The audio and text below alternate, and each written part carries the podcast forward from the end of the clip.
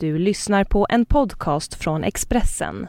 Fler poddar hittar du på expressen.se podcast och på iTunes.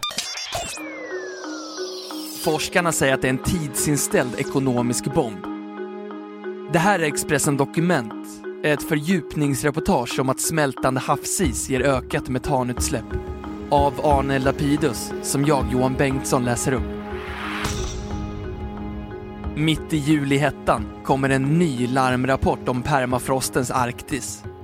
Den smältande havsisen lösgör enorma mängder metangas som ökar den globala uppvärmningen och kan komma att skaka världsekonomin. Forskarna kallar fenomenet en tidsinställd metanbomb.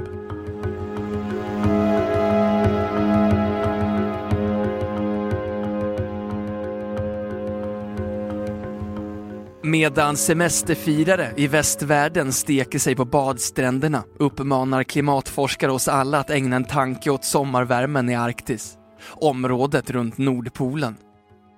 Där hotar den snabbt smältande havsisen att sätta ytterligare fart på jordklotets uppvärmning, med svåra konsekvenser för både klimat och ekonomi. I en uppmärksammad artikel i den vetenskapliga tidskriften Nature varnar forskare vid brittiska och nederländska universitetet för att ett enormt utsläpp av den aggressiva växthusgasen metan kan få oöverskådliga konsekvenser i form av extremt väder, sjukdomar och mindre skördar. Det leder till både mänskligt lidande och ekonomiska förluster. Och det är inga dåliga siffror vetenskapsmännen vid Cambridge och Erasmus-universiteten bollar med. De talar om en gigantisk reservoar på 50 gigaton, miljarder ton alltså, metan som kan frigöras när den eviga isen, permafrosten, smälter. Detta skulle i sin tur vålla ekonomiska skador för 60 biljoner, 60 000 miljarder, dollar. En summa som ska ställas i relation till att världsekonomin förra året var 70 biljoner dollar. Den globala inverkan av ett varmare Arktis är en tidsinställd ekonomisk bomb som världen ännu inte har märkt, säger professor Jail Whiteman, en av författarna till rapporten, till Reuters. Vi anser att det är otroligt viktigt för världens ledare att verkligen diskutera effekterna av det här metanutsläppet och vad vi kan göra för att förhoppningsvis förhindra det, säger hon. Björn-Ola Linnér professor vid Centrum för klimatpolitisk forskning vid Linköpings universitet, förklarar att metangasen i Arktis normalt är bunden under den isiga tundran och på havsbottnen under ismassorna. Metan är en av de mest kraftfulla växthusgaserna och har mycket starkare effekt än koldioxid. När människan släpper ut växthusgaser ökar uppvärmningen och förstärker den naturliga processen av frigörelse av metan.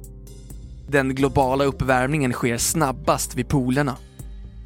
Där kan man tydligt se att isen smälter, säger Björn-Ola Linnér. FNs klimatkommission har satt upp målet att vi ska begränsa den globala temperaturökningen till 2 grader genom att minska människans utsläpp av växthusgaser. Eftersom utsläppen ökar dramatiskt tror de flesta bedömare att vi når den gränsen runt 2050. Det är högst sannolikt att vi inte klarar tvågradersmålet utan drastiska förändringar. Det behövs både politiska beslut och tekniska förändringar, säger han. Björn-Ola Linnér anser att människan kan påverka klimatförändringen. Den är inte oundviklig och han pekar på tre möjligheter. Nummer ett. Tekniska innovationer. Det finns mycket att göra på områden som solenergi, elbilar, biogas och lagring av koldioxid. Nummer två. Politiska styrmedel. Det går att sätta ett högt pris på koldioxid genom skatter, avgifter och utsläppsrätter. Nummer tre. Livsstilsförändringar. Vi kan välja hur mycket växthusgaser vi släpper ut. Och det är en politisk fråga hur mycket av ansvaret som ska falla på staten och hur mycket på enskilda. Mikael Stjernström, professor i meteorologi vid Stockholms universitet, säger att temperaturen stiger dubbelt så snabbt vid polerna, framförallt vid Arktis, som i resten av världen. Han förklarar att hela havsbassängen i området fryser till is på vintern, men att en del smälter på sommaren. Man talar därför om flerårsis och första årsis. Under de senaste 10-15 åren försvinner allt mer av sommarisen och vi ser allt mer öppet vatten i slutet av sommaren. Det får konsekvenser för djurarter som sälar som lever hela sitt liv på isen. Och det leder till metanutsläpp, säger Mikael Stjernström. När temperaturen stiger försvinner permafrosten. Metan som har lagrats i många hundratusen år kan då frigöras. Det ger global påverkan. Det är stora dramatiska förändringar i Arktis. Det är oklart vad som pågår och vad det betyder för oss. Men islossningen och uppvärmningen kan påverka Golfströmmen och därmed ge kallare vintrar i Sverige, säger han. Utvecklingsländer får bära upp till 80% av kostnaderna när issmältningen i Arktis påverkar jordens klimat, enligt forskarna som publicerat den nya studien i Nature. De kommer att drabbas av mera extremt väder, översvämningar, torka och sjukdomar. Under senare år har det kommit en rad mer optimistiska rapporter om att uppvärmningen av Arktis skulle ha ekonomiska fördelar. Dels öppnar den nya farleder för fartygstrafiken.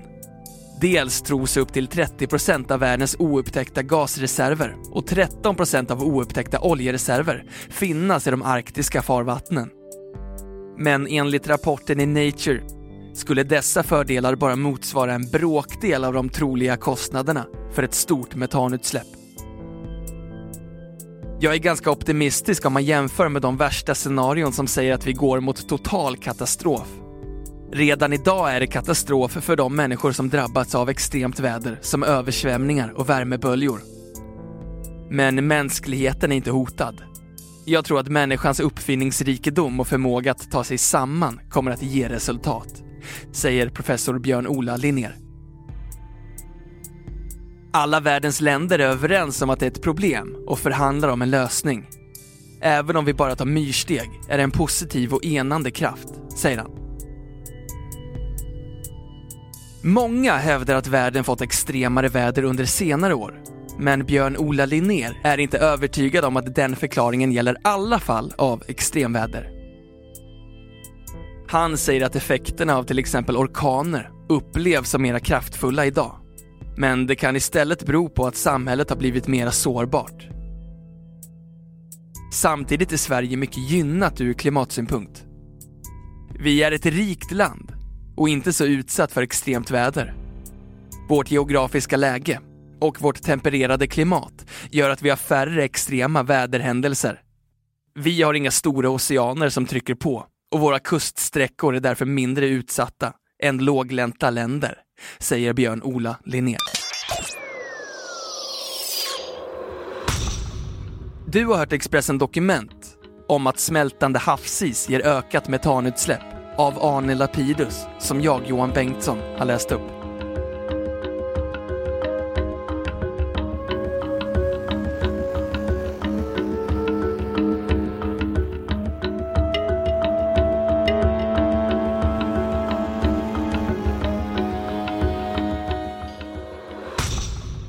Du har lyssnat på en podcast från Expressen. Ansvarig utgivare är Thomas Mattsson. Fler poddar finns på Expressen.se och på iTunes. Ett poddtips från Podplay. I fallen jag aldrig glömmer djupdyker Hasse Aro i arbetet bakom några av Sveriges mest uppseendeväckande brottsutredningar går vi in med hemlig telefonavlyssning och, och då upplever vi att vi får en total förändring av hans beteende. Vad är det som händer nu? Vem är det som läcker? Och så säger han att jag är kriminell, jag har varit kriminell i hela mitt liv men att mörda ett barn, där går min gräns. Nya säsongen av Fallen jag aldrig glömmer på Podplay.